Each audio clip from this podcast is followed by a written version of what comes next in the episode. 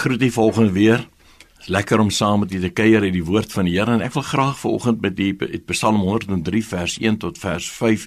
Jy kan dit gerus in die Bybel gaan lees waar die psalmskrywer hierdie wonderlike woorde vir ons neerpen deur te sê: Loof die Here, o my siel, en alles wat in my is, sy heilige naam.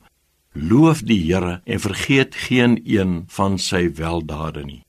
Ek weet nie van u nie, maar ek het baie keer in my eie lewe het ek gesit en dink aan al die goeie dinge wat die Here in my lewe gedoen het. Alles wat die Here al vir my gegee het.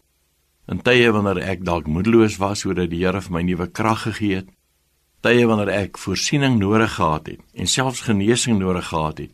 Hoe dat die Here in my lewe ingegryp het en vir my voorsien het. En nou kom die psalmskrywer En hy wil ons aanmoedig dat ons die Here sal loof en eintlik sê dat ons met ons siel moet praat. Oor ons siel sê dat ons moet met alles wat in ons is sy naam groot maak. Loof die Here en vergeet geen een van sy weldade nie.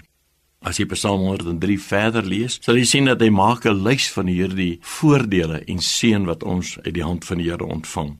Hy sê wat al jou ongeregtigheid vergewe, al jou krankhede genees, wat verlossing vir jou skenk, wat jou kroon met goedertierenheid en jou siel versadig met die goeie.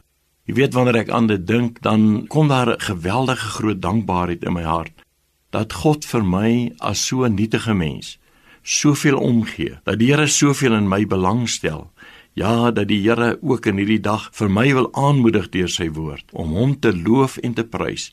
En ek wil u aanmoedig ook vanoggend, miskien is u omstandighede nie so goed en so lekker nie, maar dat u saam met die apostel Paulus, so wat hy dit gedoen het te Filippense 4 vers 4, sal sê dat ons met ons verbly in die Here. Ek herhaal, verbly in die Here. Kom ons bid nou saam. Vader, nou bid ek vir elkeen wat luister. Seën ook in hierdie dag, Here, en dat elkeen van ons altyd sal onthou aan die goeie dinge wat die Here aan ons gedoen het. Ons vra dit in Jesus naam. Amen.